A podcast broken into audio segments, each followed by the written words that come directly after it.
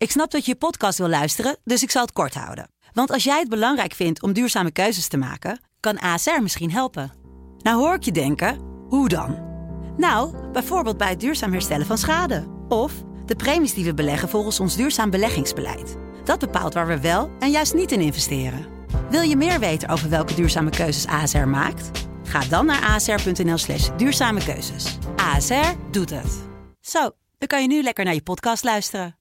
Dames en heren in de rechtbank. De zaak ontleed met Saskia Belleman en Wilson Boldewijn. Bijvoorbeeld Marjolein, een jonge vrouw die het middel X gebruikte. En nadat ze het had ingenomen, spijt kreeg. Ja, toen was het te laat. Ze is dus Ja. overleden. Een podcast van De Telegraaf. Kijk, jezelf van het leven beroven is niet strafbaar. Maar mensen helpen om dat te doen is wel strafbaar. Saskia, welkom. Dankjewel. Hulp bij zelfdoding van 10 mensen, handel in medicijnen zonder vergunning en witwassen van 90.000 euro. Het begon met zijn angst voor zijn overgewicht, maar hij werd een handelaar in een zelfmoordmiddel. Het gaat hier over de Eindhovenaar Alex S., want eh, die eh, kreeg eh, zijn strafeis te horen. Daar gaan we het onder andere over hebben vandaag. Maar we beginnen even met wat andere onderwerpen. Jij schreef een In het Vizier, zo heet die rubriek Mhm. in de krant. En dat is dan de belevingswereld van een verslaggever. Ja. En het ging over een column in een blad voor eh, juridisch Nederland. Nou, niet zozeer privaat juridisch Nou, het is een Nederland. pers- personeelsblad eigenlijk voor de rechtbank Amsterdam. Voor de Ja. rechtbank Amsterdam. En daarin werd de ene rechter, die schreef redelijk negatief over de andere rechter. Ja. Kun je dat even toelichten? Ja, het was een eh, column van eh, de Amsterdamse rechter Jeroen Thomas, die zijn Rotterdamse collega Jacco Jansen ehm, ja, eigenlijk behoorlijk op de korrel nam, eh, zonder zijn naam te noemen overigens. Maar, iedereen eh, wist wie het was. Ja, het was voor mij meteen duidelijk wie het was. En niet alleen voor mij. Mensen die de rechtspraak een beetje volgen, die weten dat Jacco Jansen een rechter in Rotterdam is die ja, een wat onorthodoxe manier heeft van eh, het leiden van een strafzaak. Hij doet veel grote zaken. Hij heeft de zaak tegen Willem Engel bijvoorbeeld eh, geleid. Hij heeft ehm, de zaak destijds tegen de van corruptie beschuldigde eh, gedeputeerde en raadslid Jos van Rij gedaan. Nou ja, er zijn dus talloze grote zaken die hij leidt. En dat doet hij eigenlijk altijd op de hem kenmerkende manier. Een beetje losjes. Hij zoekt eh, Ehm, contact, hè? Hij zoekt contact, hij gaat het gesprek aan, zowel met de verdachte als met eh, slachtoffers en nabestaanden. En ja, ik moet eerlijk zeggen, hij is daar een uitzondering in. En hij is ook nog eens goed in het uitleggen van wat gebeurt er nou precies in de rechtszaal? Waarom heeft een rechtbank zo besloten voor de camera's? En ook dat maak je wel eens anders mee. Hè, veel juristen zitten enorm vast aan jargon, bang om eh, fouten te maken in de ogen van collega's. Uit die maar daardoor, toren te Daardoor zijn ze vaak wel heel erg onbegrijpelijk voor het grote publiek. Nou, daar is Jansen echt een uitzondering in. Maar Jeroen Thomas vindt dus kennelijk dat dat getuigt van ijdelheid. Die vindt dat ehm Jansen de rechtspraak geen dienst bewijst door zo eh, in de publiciteit te komen. eh, dat hij eh, misschien eens wat vaker nee moet zeggen tegen heigerige of gretige media. En dat hij zichzelf kennelijk belangrijker vindt dan de rechtspraak. Nou, die column heb ik met stijgende verbazing gelezen. In eerste instantie dacht ik nog van, nou ja, het is intern. Maar ja, ook Jeroen Thomas kan nooit zo naïef zijn geweest dat hij heeft gedacht dat dat niet zou uitlekken. En dat deed het dus. Eh, die column die begon rond te zoomen. En ik vond toch dat dat aanleiding genoeg was om mijn verbazing uit te spreken over het feit dat de ene rechter kennelijk vindt dat hij de oren moet wassen van de ander. En eh, ja, kijk, als je kritiek hebt op zijn, eh, zijn vonnissen of op de manier waarop hij zijn werk doet, inhoudelijk, dan kan ik me nog voorstellen dat je daar een discussie over wilt. Maar dan denk ik nog steeds, dat doe je dan gewoon eh, met elkaar. Hè? Die hoeft de vuile was niet buiten te hangen. En door dat op deze manier te doen in een column, ja, heeft hij aardig wat opgetrokken wenkbrauwen veroorzaakt. Wij zeggen dan ook, meneer Thomas, althans Saskia, liefdesdeskundige, die is toch wel onder de indruk hoe meneer Jansen dat doet. Kijk, het kan best zijn dat eh, het verwijt dat hij wat ijdel is terecht is. Maar ik vind dat hij zijn werk op een goede manier doet. Ik ben eerlijk gezegd altijd vol bewondering over de manier waarop hij mensen benadert in de zaal. Hij weet een verdachte op zijn gemak te stellen, gaat met die verdachte in gesprek. Dat is belangrijk, hè? want je wil dat die verdachte iets gaat vertellen. En dat mensen die in die zaal zitten, horen wat er, wat er zich heeft afgespeeld. En hij heeft tegelijkertijd een open oog en oor voor slachtoffers en nabestaanden. Ja, ik maak wel eens mee dat, dat rechters een soort van vinklijstje voor zich hebben liggen. Van, oh ja, ik moet ook nog even iets zeggen tegen slachtoffers en nabestaanden. Afgevinkt, oké, Heel, door heel, naar de zitting. heel technocratisch. Heel maar. erg. En zonder al te veel gevoel. Ja. En ehm, ja, dat doet Jansen een stuk beter. Dus ik dacht, ze zijn, of ze zouden blij moeten zijn binnen de rechtspraak met zo'n rechter die eh, het menselijk gezicht van de rechtspraak is. Maar kennelijk vinden niet alle collega's dat. Meneer Thomas, u mag hierop eh, reageren. De uitnodiging staat open. Dan gaan wij over de uitspraak praten over eh, die zaak in die zorgboerderij Ja. onder de rook van Rotterdam.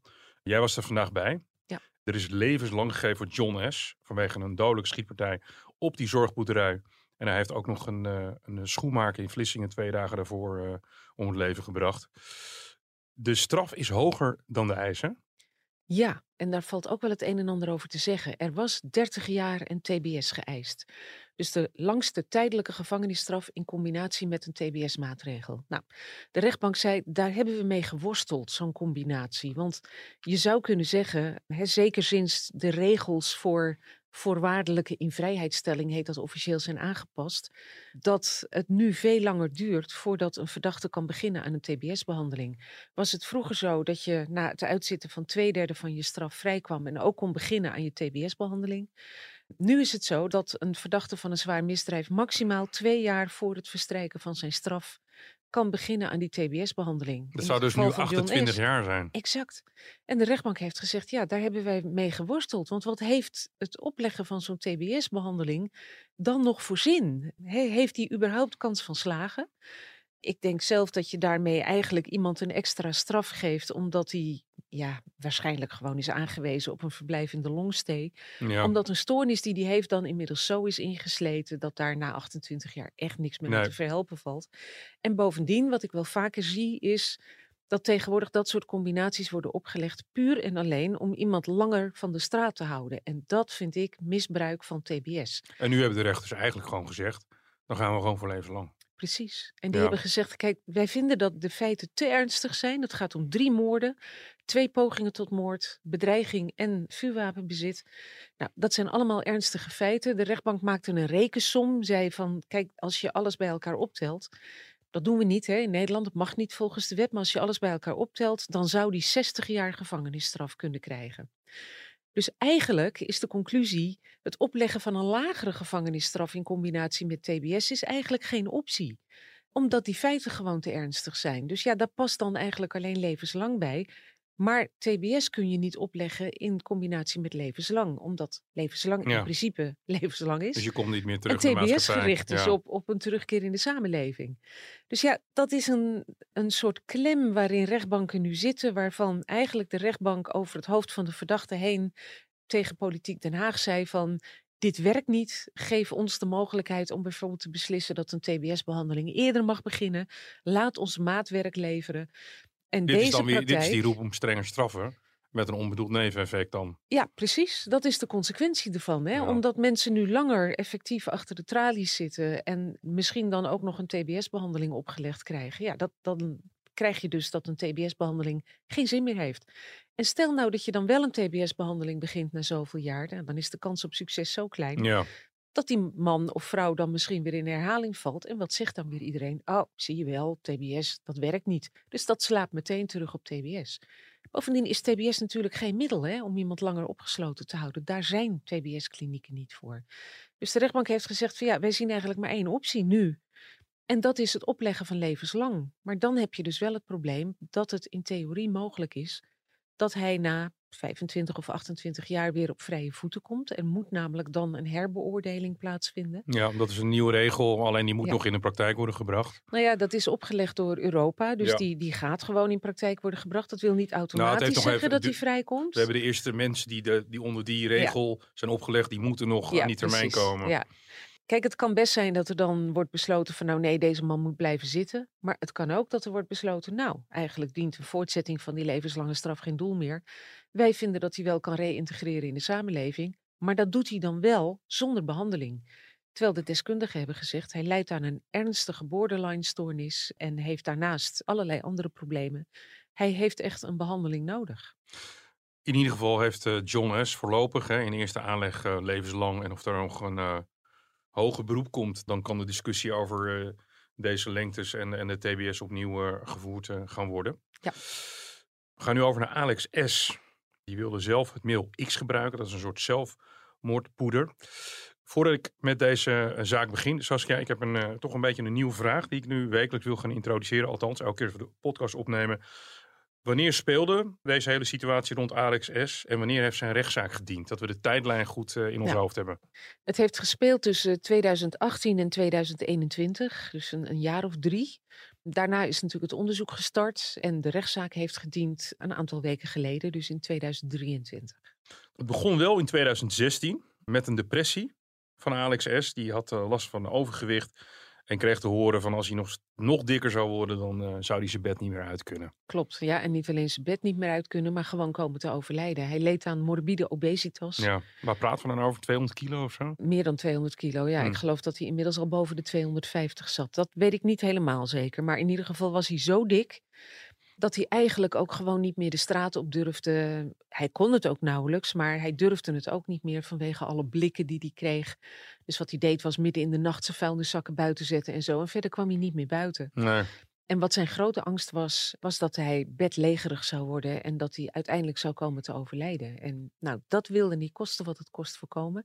Dus hij is voor zichzelf toen op zoek gegaan naar een middel om zijn eigen leven te kunnen beëindigen. Hij had al een heliumtank naast zijn bed staan met een maskertje. Maar zegt hij van ja, ik ben op zoek gegaan naar een, een humaner middel om, eh, om dat te kunnen doen. En zo kwam hij op het spoor van middel X, waarvan we niet precies gaan zeggen wat het is om te voorkomen dat mensen op ideeën komen. Ja, Het wordt gebruikt als een, eh, een conserveringsmiddel in de levensmiddelenindustrie. En ook in ziekenhuizen om eh, bacteriële infecties eh, tegen te gaan en te bestrijden. waardoor zijn situatie verergerd werd destijds, omdat hij een maagverkleining wilde. Ja. Maar als je zo zwaar bent, dan is de kans dat je zo'n operatie overleeft is niet zo groot, geloof ik. Ja, dat. En wat ook nog een rol speelde was eh, dat hij een stoornis in het autisme-spectrum heeft. En dat speelde kennelijk ook een rol. Er is niet heel uitgebreid gesproken over het hoe en waarom. Maar ik weet wel dat bij maagverkleiningen er ook altijd een psychologisch traject aan vastzit. Hè? Want je, het, gaat er niet alleen om dat je niet meer veel gaat eten. Maar dat je ook omschakelt Ja. in je hoofd. En dat je zodanig anders gaat leven dat je ook blijvend gewicht verliest. Nou, ik denk dat het vertrouwen dat eh, hij dat zou kunnen niet zo heel groot was. En daardoor werd hij keer op keer op keer afgewezen voor die maagverkleining. En Ja. ja, dat maakte hem zo depressief en zo wanhopig dat hij op een gegeven moment dacht: ik wil zelf de mogelijkheid hebben om eruit te stappen. En hij ging zoeken op internet en hij vond het middel. Ja. En ehm, toen maakte hij ook een stap, nadat hij denkt van nou, hij besloot eigenlijk geen zelfmoord te plegen. Nee, dat kwam omdat hij op een gegeven moment toch, terwijl dat misschien niet helemaal volgens de officiële regeltjes is gegaan, die maagverkleining kreeg. En daarmee, met, met zijn kilo's, smolt eigenlijk ook eh, de wens om zijn, zijn eigen leven te benemen weg. Alleen zegt hij van ja, ik weet wel hoe mensen zich voelen, die daar zelf over willen kunnen beschikken, maar dat niet kunnen omdat er allerlei regels aan zijn gebonden, of omdat ze tussen wal en schip vallen en niet voldoen aan de regels die nou eenmaal eh, zijn gesteld om euthanasie te kunnen krijgen. En ja, hij zegt, ik, ik vind gewoon dat mensen daar zelf over moeten kunnen beschikken. Het is hun leven.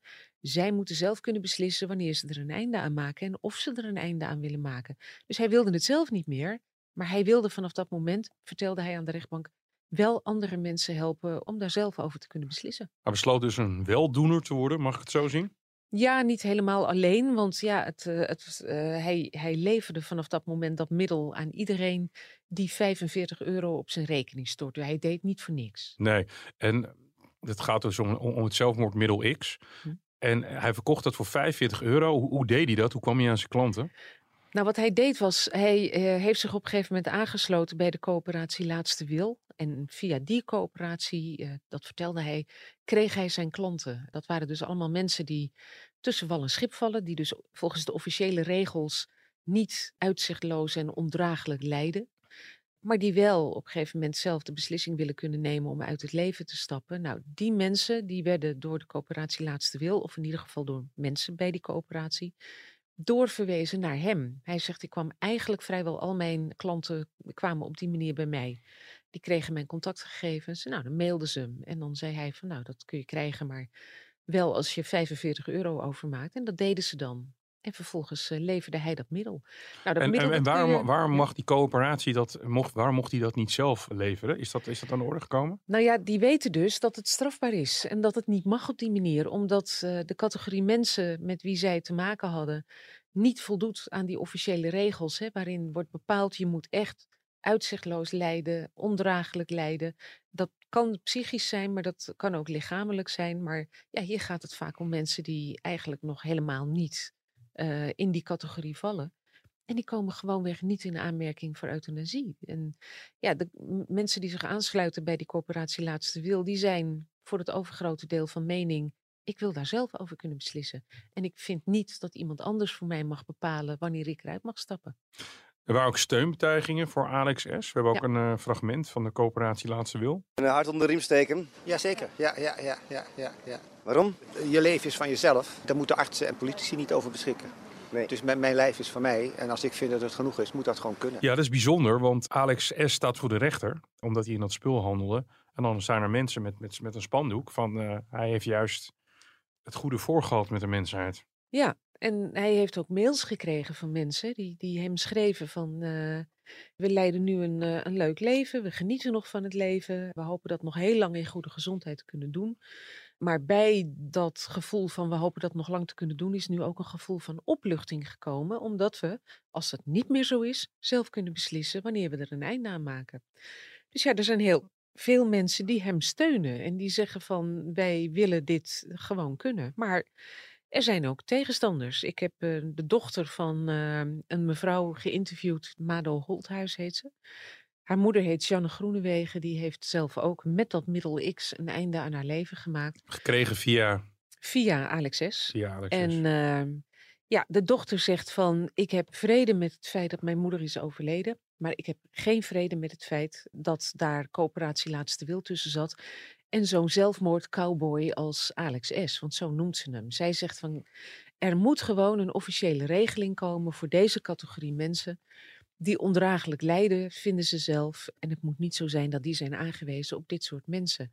Haar moeder leed aan chronische depressiviteit heeft een keer tijdens een vakantie in Thailand eh, pilletjes gekocht. Daar een, een poging tot zelfmoord mee ondernomen. Nou, die mislukte. Ze heeft toen drie dagen in coma gezeten. Heeft er wonderwel eh, niets aan overgehouden. Maar ze heeft toen wel haar dochter moeten beloven dat ze het niet nog eens op die manier zou doen. En haar dochter heeft op een gegeven moment gezegd van, nou ja, als je er echt uit wil stappen, als je daar echt van overtuigd bent, dan wil ik je helpen. Dan gaan we samen op zoek naar een humane en liefdevolle manier hè, om, om je leven te beëindigen. Ze zijn toen terechtgekomen bij de Levenseindekliniek. Daar heeft eh, deze mevrouw Groenewegen gesprekken gehad. En die zeiden van ja, u, u voldoet niet aan de criteria. Die En zijn gewoon heel dat? Ja, en die zeiden van, eh, gaat u nou eerst maar eens in therapie. Laat u maar eens behandelen. Nou had eh, deze mevrouw al eerder therapie gehad, eh, jaren geleden bij Zon en Schild in Amersfoort. Maar haar hele dossier is zoek geraakt daar. Dus zij kon niet aantonen dat ze al eerder in therapie was geweest en dat dat eigenlijk niks heeft geholpen. Toen was ze overgeleverd aan Alex S. Daar kwam het op neer. Ja, ze is Ja. toen naar de coöperatie Laatste Wil gegaan en is via die coöperatie in contact gekomen met Alex S. En haar dochter zegt vanaf dat moment dobberde zij van mij weg. Want die coöperatie Laatste Wil heeft ervoor gezorgd dat er verwijdering ontstond tussen mijn moeder en mij. En dat heeft, denkt zij, toch alles te maken met het feit dat die coöperatie heeft geweten dat waar zij mee bezig waren en wat ze van plan waren om te doen, illegaal was. Dus mevrouw Groenewegen kreeg de boodschap: je mag er met niemand over praten. Eh, je mag met niemand praten over met wie je afspreekt. Eh, ja, zegt Mado Holthuis. Dat waren hele schimmige afspraken die ze had. Mijn moeder wilde er niets meer over zeggen. En op een gegeven moment is zij dus eh, dat middel X gaan gebruiken. En heeft haar dochter, of eigenlijk de huisarts, op instigatie van haar dochter, haar dood in huis gevonden. Alex S, hè, want even terug, die eh, kreeg op een gegeven moment toch die maagoperatie. Ja. Waardoor de kilo's eraf vlogen. Maar hij had wel inmiddels de beschikking over het spul. Hij had zeg maar de route al Ja. bewandeld. En hij ging zelfs zover dat hij het ook zelf ging proberen. Hè? Niet Ja. alleen omdat het... We gaan niet te veel uitweiden over dat middel, want dat is niet de bedoeling van deze podcast. Maar dat, dat middel heeft meerdere facetten. Ja. En hij ging een aantal van die facetten ging hij gewoon zelf uitproberen. Dat Ja. wel heel bizar is. Ja, hij heeft een halve dosering genomen. En eh, Ja, dat, dat eh, heeft hij overle- overleefd. Want de normale dosering die hij zelf verstrekt hè, aan, aan zijn klanten is geheid dodelijk. Er is geen tegengif. Nee. Ehm, je overlijdt eraan. En het, het is dus wel heel opmerkelijk dat hij het zelf ging Ja, uitproberen. Er zit ook een braakmiddel bij, hè? Anti, Ja, antibraakmiddel. een antibraakmiddel, juist Ja. om te voorkomen dat je het middel weer uitbraakt en het niet werkt. Ja. Ehm, nou, er zijn dus tijdens de zaak ook een, een paar voorbeelden genoemd van bijvoorbeeld Marjolein. Dat is een verhaal dat in de Volkskrant beschreven is van een jonge vrouw die het middel X gebruikte. En nadat ze het had ingenomen, spijt kreeg. Het eigenlijk niet meer wilde. En ja, toen was het te laat. Ze is dus gewoon Ja. overleden. Want er is geen tegengif mogelijk. Er is ook een voorbeeld genoemd van een man. Die had inmiddels de helft van die dosering ingenomen. En die ehm, is eigenlijk tijdig in het ziekenhuis terechtgekomen. Zijn moeder die, die sloeg onmiddellijk aan op braakgeluiden die ze hoorde. Hij heeft het overleefd en hij zei, godzijdank heb ik het overleefd. Want ik verkeerde in een psychose toen ik het innam. Ja. En nu weet ik wat ik moet doen om te voorkomen dat ik in zo'n toestand raak. Namelijk gewoon mijn antipsychotica innemen. Dus dat zijn al twee voorbeelden van mensen die eigenlijk spijt kregen dat ze het middel hadden genomen. En ja, dat geeft natuurlijk toch ook wel aan dat er een reden is waarom de regels daarvoor zo streng zijn. Het gaat om hulp bij zelfdoding van, van tien mensen. Die Hand- staan op de tellastenlegging, ja. Ja, handel in medicijnen zonder vergunning en witwassen van 90.000 euro. 45 euro, zei jij net, per pakketje. Ja. Als ik dan aan 90.000 euro, heeft hij er heel wat verscheept. Hij zegt zelf dat hij iets van 1600 pakketten heeft verkocht. En dat hij zegt dat hij niet vroeg aan mensen waarom ze het wilden hebben. Want zegt hij, ik ben voor zelfbeschikking. En wie ben ik om mensen ter verantwoording te roepen en te vragen waarom ze het eigenlijk willen hebben. Dus dat deed hij niet. Ja, Tegelijkertijd zei hij, ik leverde niet aan minderjarigen. Ja, dat is dus vreemd, want hij vroeg nooit iets. Dus je weet niet hoe hij dat controleerde. En wat hij ook vertelde was dat hij leverde aan tussenpersonen en aan huiskamergroepen van eh, de coöperatie Laatste Wil. Ja, dan vraag je je ook af hoe hij kon controleren aan wie dat middel eigenlijk werd verstrekt en hoe het werd gebruikt. Want ja. Je kunt er jezelf natuurlijk mee doden, maar Kan je ook kunt er iemand ook vergiftigen, anderen. ja. ja, exact.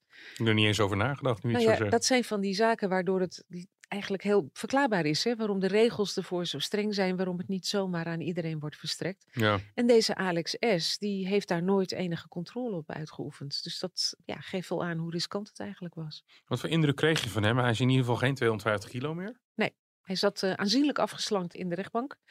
Hij is tijdens eerdere proforma zittingen ook aanwezig geweest. Toen zag hij er heel wat dikker uit. Dat is echt een verschil van dag en nacht. De maagverkleining eh, doet zijn werk. Ja, die heeft absoluut zijn werk gedaan. En hij vindt nu ook wel dat hij lekker in zijn vel steekt. En hij heeft een baan als schoonmaker.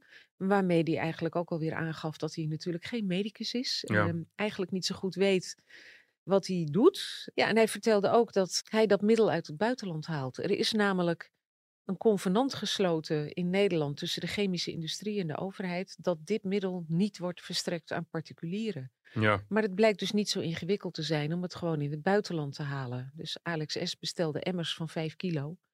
Had zelf capsuletjes eh, gekocht waar hij dat spul in de juiste dosering in stopte en voorzag van etiketten. En vervolgens stuurde hij het naar zijn afnemers met instructies hoe ze het moesten innemen, maar ook met instructies dat ze het in een ander potje moesten doen, dat ze het etiket wat hij erbij leverde ook moesten vervangen. Wat er toch wel op duidt dat hij eh, donders goed wist dat hij illegaal bezig was. Hij probeerde toch zijn, zijn sporen enigszins uit te wissen. Hij vroeg mensen ook om eh, de mails te wissen, die eh, mailwisselingen die hij met hen had. ja. Nou, dat deden sommigen wel, maar anderen niet. Dus ja, het was voor de politie niet zo heel ingewikkeld om bij hem uit te komen. Ja, en hij heeft toch jaren zijn gang kunnen gaan. Ja. Waar ik nou nog niet zo goed uitkom. Want enerzijds kan je er wel van uitgaan dat hij het echt heel goed bedoeld heeft. Ja, het is niet, eh, daar gaat het Openbaar Ministerie ook vanuit dat hij niet de bedoeling had om mensen een akelige dood te laten sterven en ook niet om er rijk van te worden. Ja. Ik bedoel, 45 euro per pakket, ja. Hè, ik denk dat mensen die het bestelden daar heel erg blij mee waren. Ja. En dat zelfs mensen die niet zo heel veel geld om handen hebben, zich dat nog wel konden veroorloven. Ja, ik denk dat eh, als hij had gewild, eh, had hij er ook wel meer mee kunnen verdienen. Maar dat heeft hij dus niet Nee, gedaan. Dus nee. hij, hij, er werd wel gezegd van hij deed aan zelfverrijking. Maar ja, ik keek naar dat bedrag en dacht van nou, dat valt nog wel mee. Want wat voor indruk kreeg je van hem? De, de afgeslankte Alex S. Ja, eigenlijk toch vooral dat het hem ging om die zelfbeschikking. Dat hij heel erg overtuigd is van het recht van mensen om zelf te kunnen beslissen of ze langer willen leven of niet. En dat dat niet aan de overheid is om uh, mensen uh, aan regels te binden en te beslissen wanneer het wel en niet mag. Ja. En ja, hij heeft uh, heel veel medestanders. Hij heeft mensen die hem op handen dragen. En die vinden dat hij ehm, nou eigenlijk gewoon goed werk deed. Het was ook geen jongen van wie je zou kunnen zeggen hij, hij, hij is, slecht. Nee, nee, dat is hij niet. Kijk, je ziet wel eens echte criminelen in verdachte banken zitten. Daar was hij geen voorbeeld van, vond ik. Zit hij in het huis van bewaring? Hij zit in ieder geval uh, Hij vast. zit vast, hij Ja, zit vast. ja. Wat zeggen zijn advocaten in, in het, uh, naar aanleiding van wat we het nu net over hadden, dat hij niet echt evil overkomt? Nee, nou ja, die zeggen ook van, kijk, hij heeft alleen maar goed willen doen. En hij loopt gewoon aan tegen het feit uh, dat heel veel mensen misschien wel willen beschikken over hun eigen leven, maar dat niet mogen. En dat niet kunnen. En hij is er gewoon van overtuigd dat mensen dat wel moeten kunnen. En ja, hè, politiek, verander iets aan, uh, aan de regels. Ja, of de Ja. politiek dat gaat doen. Hè, de euthanasie regelgeving is, is relatief nieuw. Ja, en ook vrij progressief Nederland- op Ja, wereldniveau. precies. Gaat in, eh, als je dat vergelijkt met landen om ons heen, al best ver. Ja, Inmiddels is het al niet meer zo dat je alleen maar lichamelijk ondraaglijk en uitzichtloos moet lijden, maar dat dat ook psychisch kan zijn. En hier is het zo dat Alex eh, eigenlijk vooral leverde aan mensen die gewoon zoiets hadden van ik wil het achter de hand hebben, voor het Ja. geval dat. Alleen, ja, hij heeft het ook aan de man gebracht als een, een zacht dood. En daar kun je je vraagtekens bij plaatsen. dat gif is, eh, Nou kan ja. op heel veel verschillende manieren zijn werk doen. Ja, en we hebben toch ook wel verhalen gehoord in de rechtszaal van eh, een man bijvoorbeeld die het innam en die enorm veel pijn kreeg, eh, een epileptische aanval kreeg en, en ja, een lange lijdensweg had voordat hij uiteindelijk de laatste adem uitblies.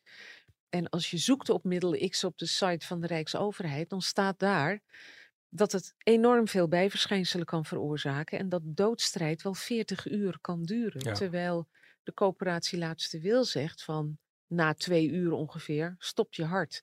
En voor die tijd glijd je eigenlijk langzaam weg. Ja, Nou, daar kun je dus de nodige vraagtekens bij plaatsen. Dat staat helemaal niet vast.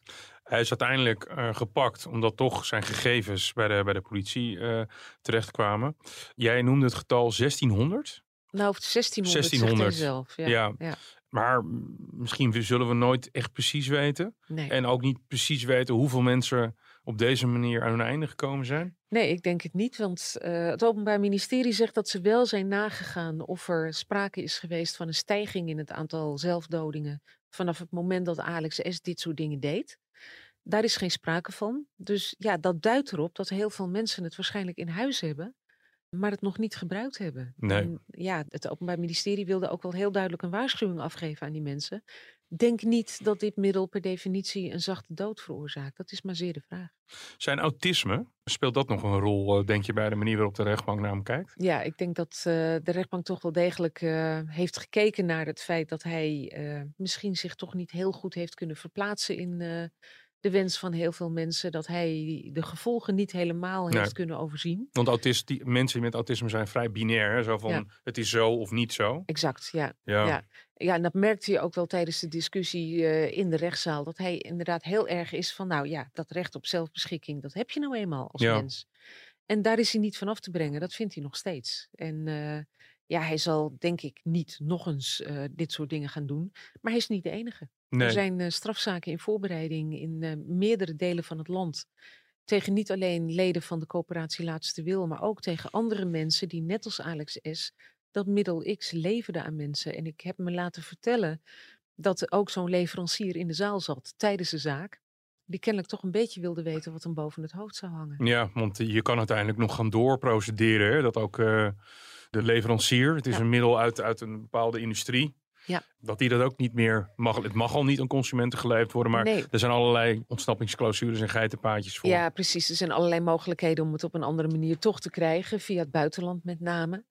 Maar het is inderdaad wel een, eh, een risico dat, eh, dat mensen ermee nemen. Ja, ik denk niet dat de producent van het middel meteen zal worden aangeklaagd, omdat die het niet aanprijst Nee, als een nee, zelfdodingsmiddel. precies. Nee. En omdat het natuurlijk op een legale manier wordt gebruikt in de levensmiddelenbranche en in ziekenhuizen. Maar niet om mensen het leven te benemen. Dus dat, dat is echt een, eh, een groot verschil.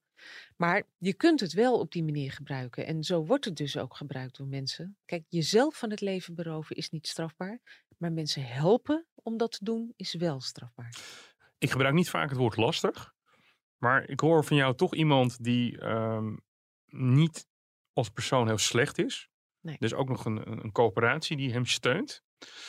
We zitten met een maatschappij waarin we met z'n allen regels afspreken. Hoe we leven, maar ook hoe we overlijden. Dat kan je helaas individu wel binnen de regels die er zijn beslissen. Maar daarbuiten houdt het gewoon op. Stomme vraag misschien, wat, wat, maar wat moet je hiermee?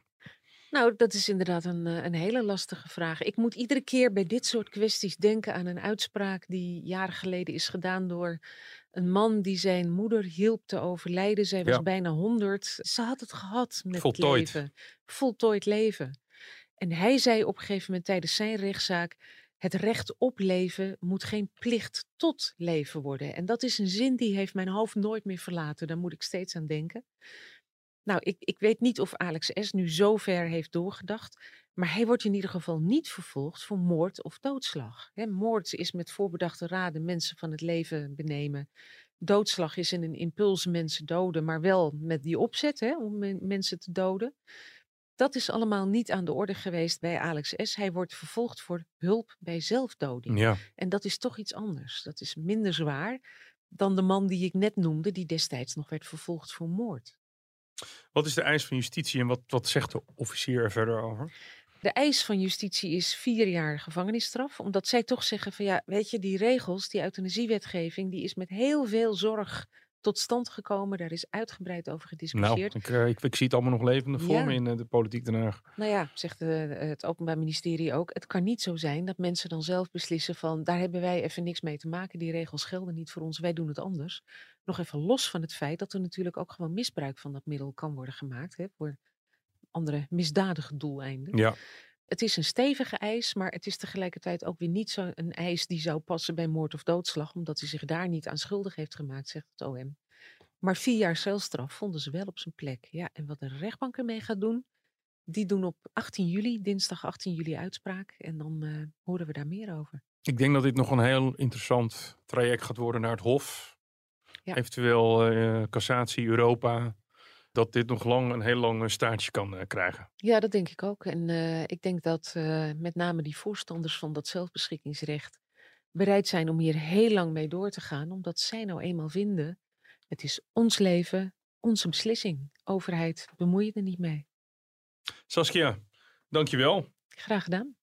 Dit was eh, de zaak ontleed voor eh, deze keer. Vindt u dit een eh, goede podcast? Laat u dan een recensie achter, afhankelijk van het platform waarop u dit luistert.